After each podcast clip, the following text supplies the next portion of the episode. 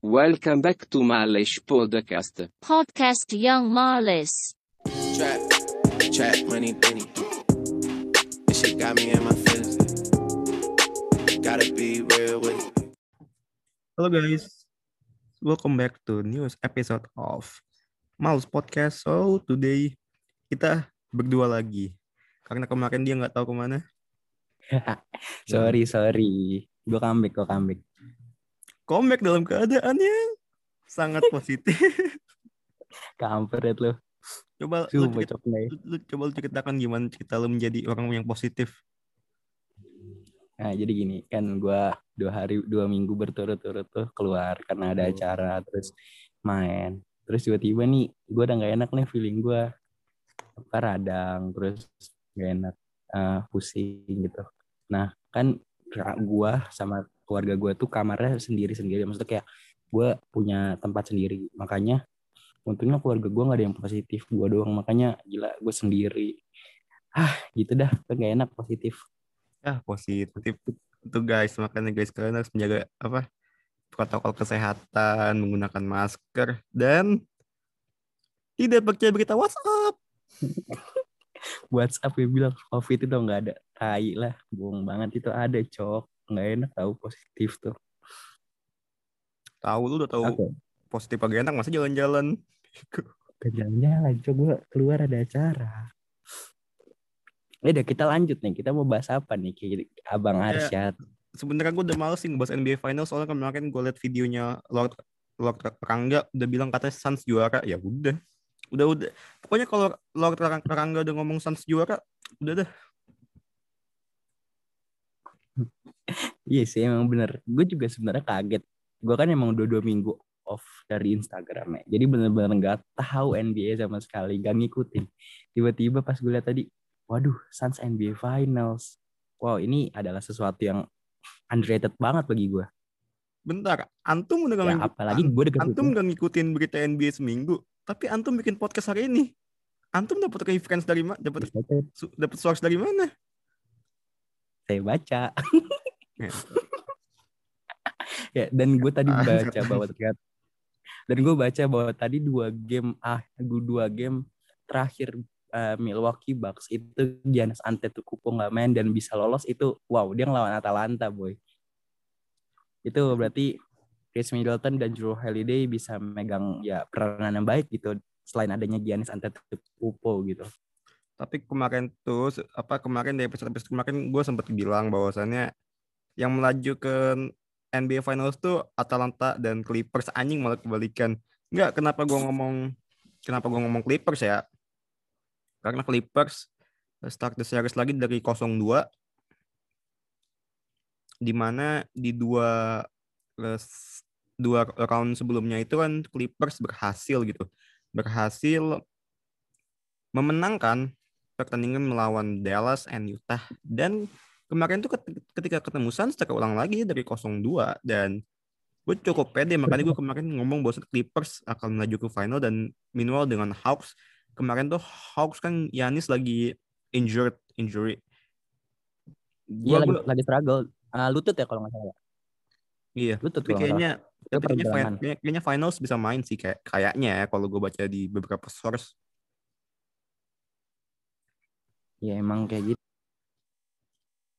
Tapi ya eh, final ini akan jadi apa ya? Final yang mempertemukan dua head coach yang pernah menjadi keluarga Spurs. Pertama Mike Budenholzer yang pernah menjadi asist- asistennya Greg Popovich di San Antonio dan juga Monty Williams yang pernah juga bermain di San Antonio Spurs bersama Greg Popovich.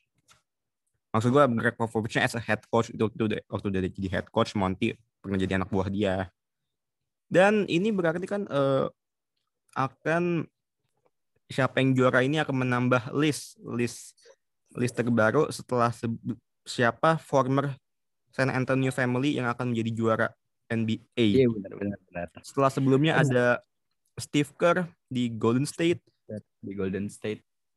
Doc. Rivers di Boston, dan ya ya kita tungguin aja. Makanya gue sebagai San Antonio Spurs fans sangat sangat bangga karena istilahnya gimana ya lulusan lulusan gitu. benar gitu Spurs Ngelepasnya bener.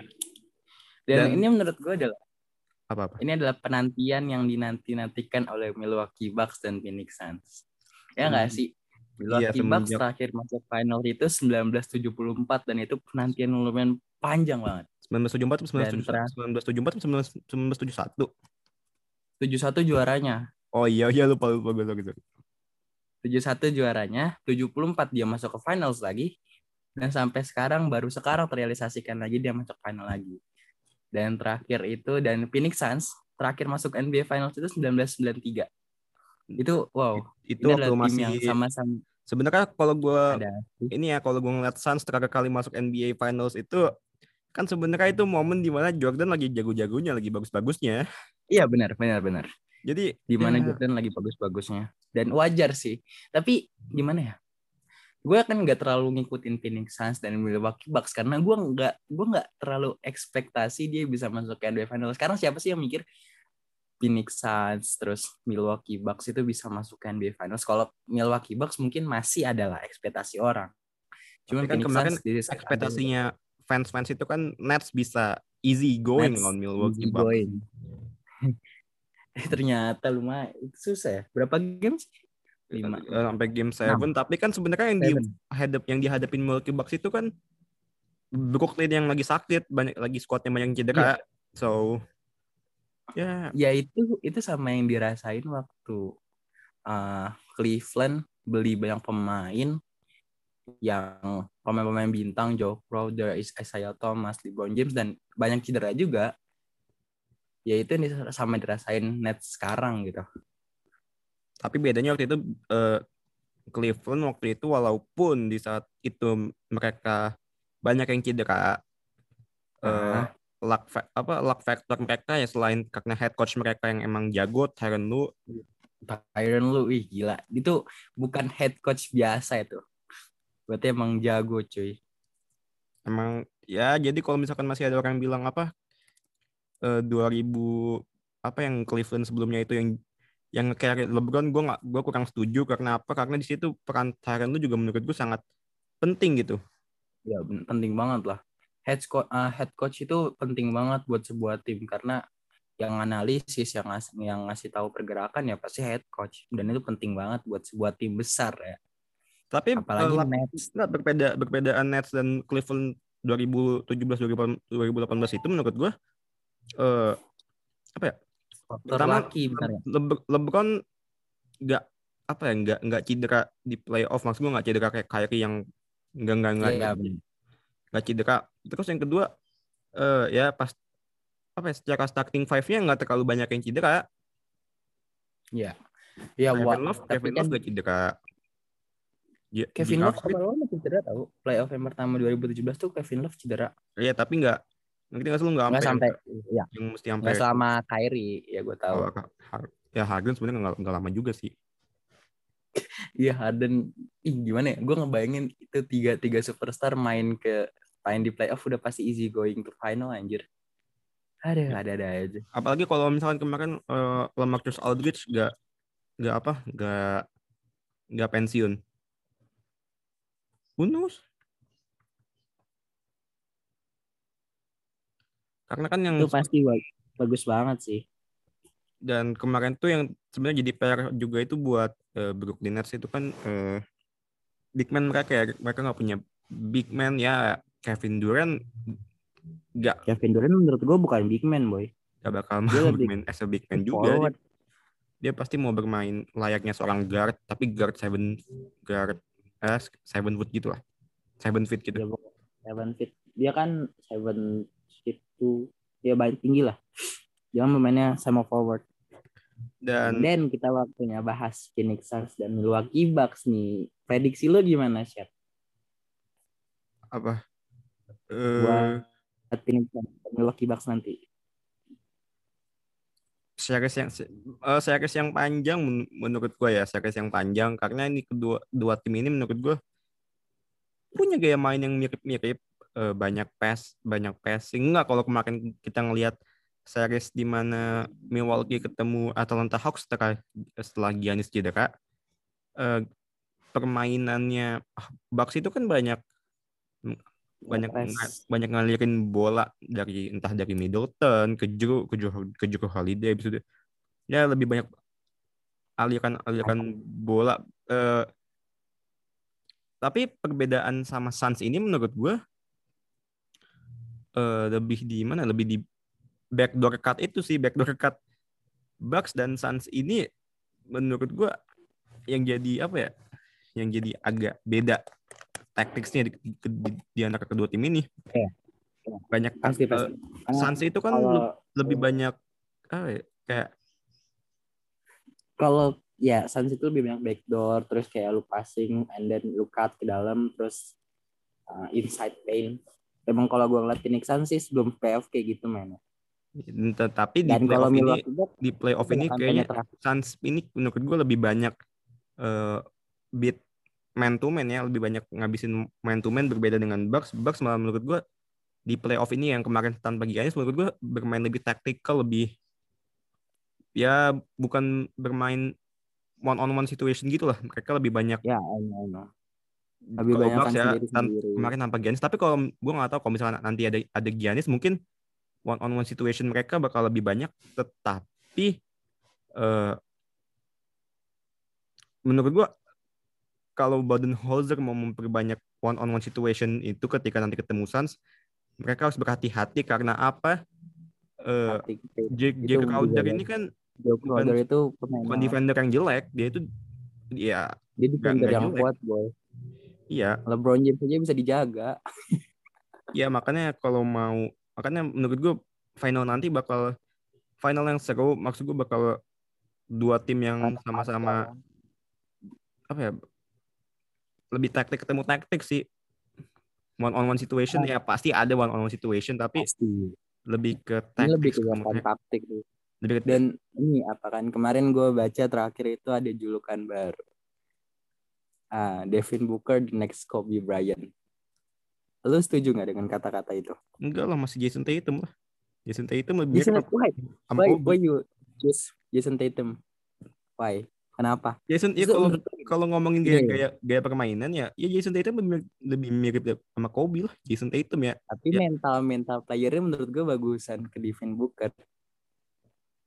Lu bayangin boy lu main lu seorang superstar main di tim yang notabene nggak bakal nggak jarang yang bisa eh, pilih tim itu dan lu bisa ngebawa tim ini ke NBA Finals. Ini sama kayak kejadian Kobe tahun 2010 Tapi kalau ngom- ngomongin Jason Tatum kan Jason Tatum lebih apa ya? Dia malah udah ngerasain lebih awal bawa timnya ke Eastern Conference Final yang waktu itu ketemu Cleveland ya, yang kalah 4-3 di Game 7. Oh iya.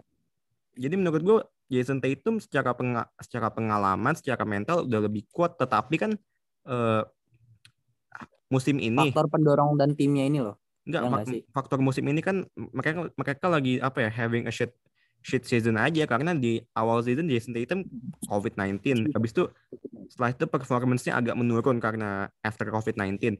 Kedua, banyak cedera. Jalen Brown gak bisa Jalen main di playoff karena cedera. Itu udah faktor dan juga faktor di mana Kemba Walker udah nggak apa ya? Udah udah nggak grow up udah udah biasa aja gitu kan kayak pemain kalau- biasa ngomongin Suns musim ini, Suns musim ini kan lebih sehat secara secara squad ya, jarang ada cedera.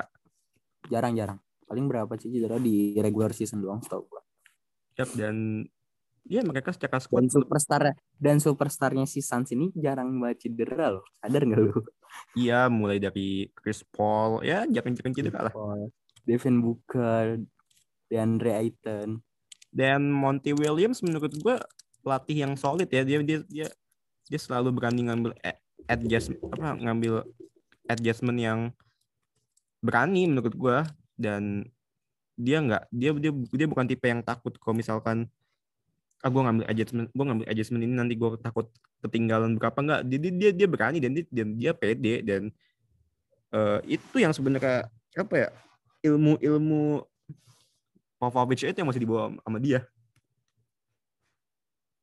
Keberanian untuk memang untuk apa ya keberanian untuk melakukan adjustment itu yang yang yang gue salut sama dia eh pelatihnya Suns itu adalah pelatih yang menurut gue berani dalam mem- mem- menggunakan pemainnya dengan baik gitu ya hampir sama yang tadi lo bilang gitu Popovic, eh, Popovic. Nah itu hampir sama kan kayak gaya gameplaynya kalau gue lihat ini kayak Spurs tahun berapa ya?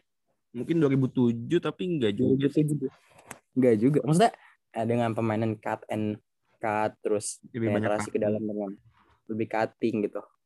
Tapi beda sama bedanya yang kalau sekarang ya. kalau gue ngelihat eh, Monty ini, Monty ini kadang-kadang lebih ketika udah mentok dia lebih ngandelin one on one situation di mana dia punya pemain yang sangat oke gitu, sangat lengkap buat one on one situation. Ada Chris Paul sana yang kita tahu dia point guard lah dia dia kalau udah ngambil mid range. Waduh, mid range dia susah banget tuh dijaga itu. And then dia punya Devin Booker yang punya speed, shootingnya bagus. Ya ini kan ini kan apa perjalanan panjang si Monty ya dari semenjak dia pertama Monty dan Chris Paul sejak pertama kali Monty ngelatih Chris Paul di New Orleans Pelicans. Ya ini ini kisah apa ya kisah panjang dan bertemu lagi di NBA Finals. di final tahun ini. Bisa bersama di NBA Finals itu menurut gue sih good player, good coach. Sekarang Ya. jadi sekarang jadi pertanyaan gue siapa yang bisa eh apa ya siapa yang bisa menjaga skuadnya lebih sehat gitu karena kalau misalkan satu ada yang cedera di final ini menurut gue bakal jadi faktor yang benar-benar apa yang membuat ke, yang kelihatan banget lah Benar-benar krusial gitu. Iya. Dan yang yang harus benar-benar diwanti-wanti adalah di bagian Milwaukee Bucks. Mungkin buat satu game, dua game pertama nanti NBA Finals, mungkin Giannis belum bermain.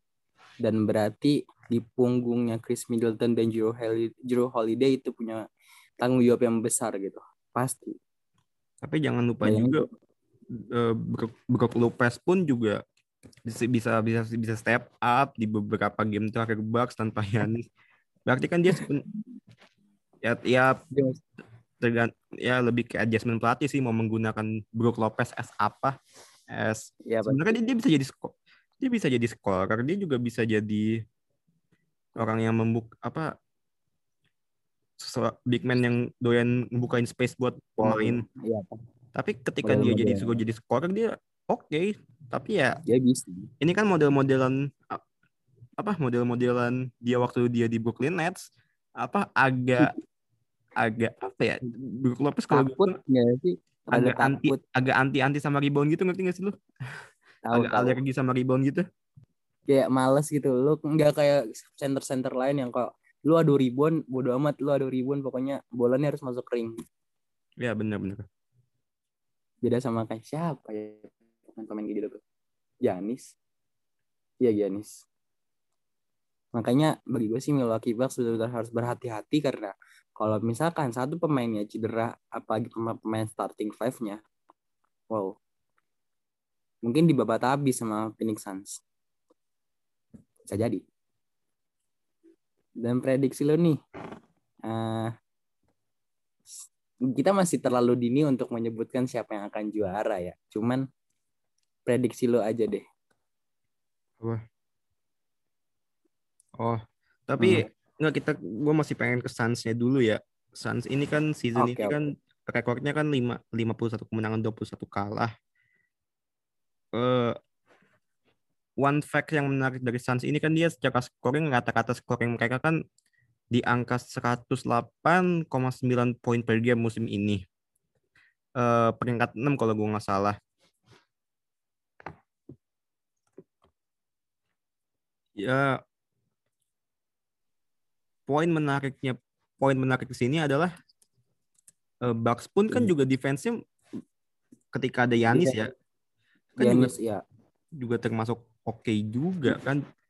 Defensifnya sangatlah besar cok. Giannis itu menjadi kayak tiangnya itu loh kalau misalkan lu mau masukin poin ke ringnya Bucks apalagi saat Giannis bener-bener di mode seremnya ya ibarat kasar mode playoffnya itu bener-bener beda cuy kalau dirasain karena saat dia bermain di reguler mungkin dia masih bisa ketawa-tawa masih bisa bermain dengan teman-temannya gitu tapi saat di playoff ya dia Giannis yang monster gitu dia berani nabrak siapa aja, berani poin dari mana aja, berani defense sekuat mungkin.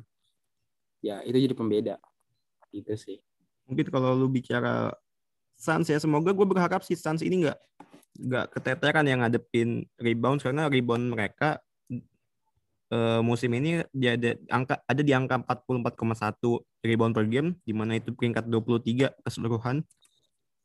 Semoga nggak itu itu faktor kelemahan itu yang gue berharap nggak terjadi nanti di finals ya gue nggak mau mereka keteteran dalam hal, hal rebound. Ya semoga aja mereka nggak keteteran sama namanya rebound nanti di finals nanti. Iya sih, jangan sampai sih kalau misalkan DeAndre Ayton tuh harus benar-benar eh, step up menurut gua di bagian mendapatkan rebound. Terus berani inbound to attack maksudnya berani buat rebound saat attack. Dan jangan pernah takut lah. Karena selama Giannis masih belum main itu kesempatan lo buat mengambil poin. Bagi gua buat ngambil- Suns Ya ini mah udah apa ya kalau gue boleh bilang eh, siapa yang lebih siapa yang lebih efisien dia yang menang sih ini siapa yang lebih fit dia yang menang dan juga lebih efisien. Ya. Karena kan gitu sih pasti yang lebih efisien ya di mana-mana kan sekarang kalau de- ya efisiensi kan lebih penting ketimbang apa ya ke- ya sekarang efisiensi efisi- efisiensi di NBA ini kan efisiensi kan di NBA ini kan sekarang udah faktor yang sangat-sangat penting lah nggak usah di Pasti banget pasti. Karena kalau misalkan lu jago, lu lu bisa bermain secara yang lu bisa tapi lu cedera terus lu nggak efisien mainnya itu menjadi pembeda. Atau bukan jadi pembeda menjadi menghancurkan karir lo gitu nggak sih? Menghancurkan bukan menghancurkan karir ya gue jelek jelek banget bahasa lu. Ada. Gitu deh pokoknya. Jadi apa eh ini kan masih berharap dua tim yang menurut gue nanti di final akan menarik di mana Suns dengan scoring mereka di di peringkat 6 overall dan Bucks as a team mereka di peringkat satu dalam hal scoring dengan angka Wow. 109,8 poin per game. Nah, kalau kita ngomong rebound, dua tim ini kalau udah ngomongin rebound apa ya berbanding terbalik ya bukan ya ya kita tahu lah squad squadnya Bucks tinggi tinggi semua. Iyalah. Dalam dalam hal, Giannis. dalam hal rebound. Eh, Bucks ini berada di peringkat 2 overall di 49,9 rebound per game sementara Phoenix Suns 44,1 rebound per game 20, peringkat kedua tiga. Bayangin ini perbandingan yang sangat jauh ya. Overall beda banget. Tapi kalau udah ngomongin assist nah Bucks Nah. malah keteteran Bucks ada di peringkat 12 overall dengan 22,8 assist per game meanwhile di Suns mereka ada di peringkat ke tiga dengan 24,4 assist per game tapi apa ya ya bagi gua ya kalau buat Milwaukee Bucks bermain dengan asis yang kurang itu menurut gua rada wajar sih ya. Nah, karena mereka lebih lebih one on one situation lebih one on one situation yang seperti yang gue bilang tadi Nice, guys. Tim yang ber, teknikal banget. Ketika kayak ada ketika ada Giannis mereka lebih one on one situation. Tapi ketika nggak ada Giannis mereka dia harus bolanya lancar. secara lancar gitu. Karena when nggak saat Giannis udah bermegang bola ya itu Giannis bermain. Apalagi ya gue sih kangen lihat Giannis mode-mode seremnya sih. Berani berani ngedangin siapa aja. Kita lihat nanti di finals NBA sih. Itu Yes. guys menurut lu faktor X yang kira-kira menjadi kira-kira bisa jadi fak, apa kuda hitam atau apa ya faktor X di tim ini menurut lu siapa? Di antara Bucks dan Suns ini. Faktor X buat Suns bagi gue Chris Paul. Ya. karena nggak nggak, faktor Dia- X itu apa kayak pemain yang kira-kira menurut lu yang nggak nggak lu nggak expect. disangka-sangka kan? Tapi bisa nggak jadi faktor disangka-sangka. kemenangan menurut lu siapa? Ya faktor buat kemenangan ya Bu- bagi gue sih kalau nggak buat di Suns tuh Chris Paul sama DeAndre Ayton. Udah itu doang. Nggak ada lagi. Karena yang kelihatan itu doang bagi gue set Ya. dan kalau di Bucks? Di Bucks. Ya seperti bilang tadi Brook Lopez. Kalau when Brook Lopez bermain secara scorer itu bakal menjadi hal yang menakutkan bagi uh, Phoenix Suns. Karena kalau dia bermain seperti agresif berani inbound attack berani drive penetrasi ke dalam itu menjadi ya wow itu benar-benar serem. Karena yang tadi lu bilang reboundnya Phoenix Suns itu kurang. Dan pemain-pemain dari uh, Milwaukee Bucks apalagi Brook Lopez yang punya tingginya lumayan lumayan yang tingginya sangat bagus gitu itu bisa menjadi hal pembeda selain Giannis Antetokounmpo. Bagi gue sih itu. Kalau bagi lu gimana? Kalau di gua yang menurut gue Suns bisa jadi faktor X faktor X. Suns ini masih tetap Cameron Cameron Payne ya. Seorang Cam, Cameron Payne ini ketika dia lagi bagus dia bisa nyetak 20 15 poin. Dan kalau misalkan dia nanti let's say dia came from bench datang tiba-tiba 20 poin 15 poin pasti kan akan ada shock shock apa ya shock effects juga buat Budenholzer Iya pasti. Dan kalau di Bucks lu nanya siapa yang kira-kira jadi faktor X, um, uh, gue sebenarnya kepengen ya ngeliat ngeliat Brian Forbes, Brian Forbes came from bench terus uh, making all his shot kayak kemarin on Miami Heat. Tapi kayak ya gue menurut gue Brian For Brian Forbes bisa sih menjadi seorang faktor X bagi Milwaukee Bucks. Atau ya Brook Lopez ya Brook Lopez. Iya. Tapi jadi semoga dia nggak alergi sama rebound sih. Iya. Gue lihat dia kayak bukan alergi sama rebound sih tepatnya kayak dia nggak punya keberanian pasti punya keberanian cuman kayak nggak punya kemauan gitu. Ya dan mungkin PJ Tucker ya. PJ Tucker ini kemarin di series ketemu Nets he's having a great defense. Dia mencoba apa ya dia hustle ketemu KD tapi ya KD is KD 40 poin dijaga sama dia tapi he's a good defender you know. His hustle yeah. defense. I think if you ask me to who's who's to guard me either Pat Bev or PJ Tucker I'll take Pat Bev PJ Tucker is a great defender ya ya Ya fair-fairan dong, fair-fairan aja, fair-fairan aja. PJ Tucker itu seorang defender yang lebih baik ketimbang Patrick Beverly. Iya benar. Patrick Beverly cuma marah-marah doang, boy. Mana kemarin dorong Chris Paul lagi. Dia tuh lebih tim, lebih orangnya intimidasi banget ya sih.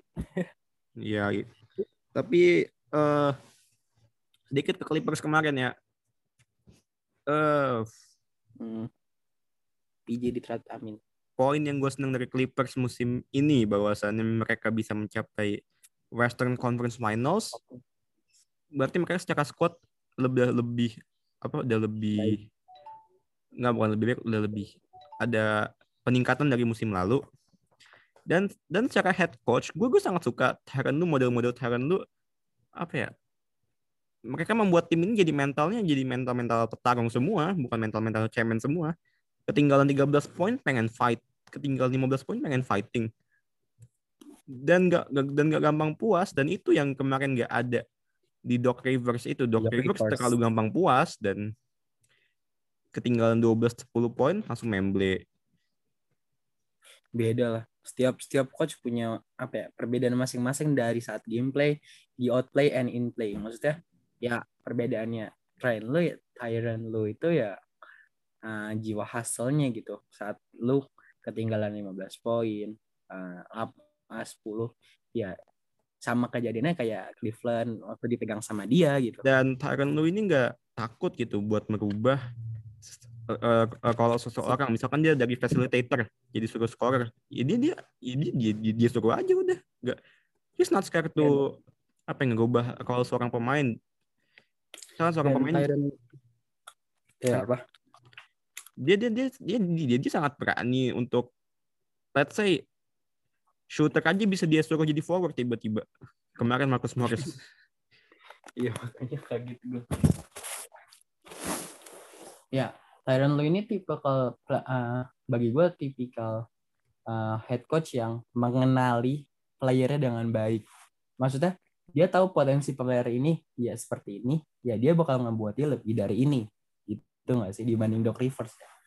Doc Rivers lebih ke old school tap lebih ke old school hmm. mentality dan ya secara taktis ya gue nggak mau ngomong taktik gue nggak mau ngomong secara taktik ya kan secara taktis gue bukan pelatih jadi gue nggak tapi kalau cara mentality Doc Rivers lebih ke old mentality ya gimana ya orang mereka dulu juara masih ada yang namanya eh, Rondo, Garnett, player-player yang punya mental dari sananya, iya punya keberanian. Bukan Robert bukan player yang dibuat, bukan you build a player. Nah, ya dia punya jiwanya sendiri buat jadi uh, petarung. Yeah. By the way, yeah, I think that is the end of our episode. Thank you guys for listening. BTW jangan lupa jaga kesehatan kalian. Ini BTW kalau tadi dari tadi suara notif HP gue. masuk gak sih suara notifnya? Masuk ya? Masuk masuk masuk notifnya tadi. Lumayan Ini. banyak agak sih? Banyak ya? Anjing. Lumayan lah.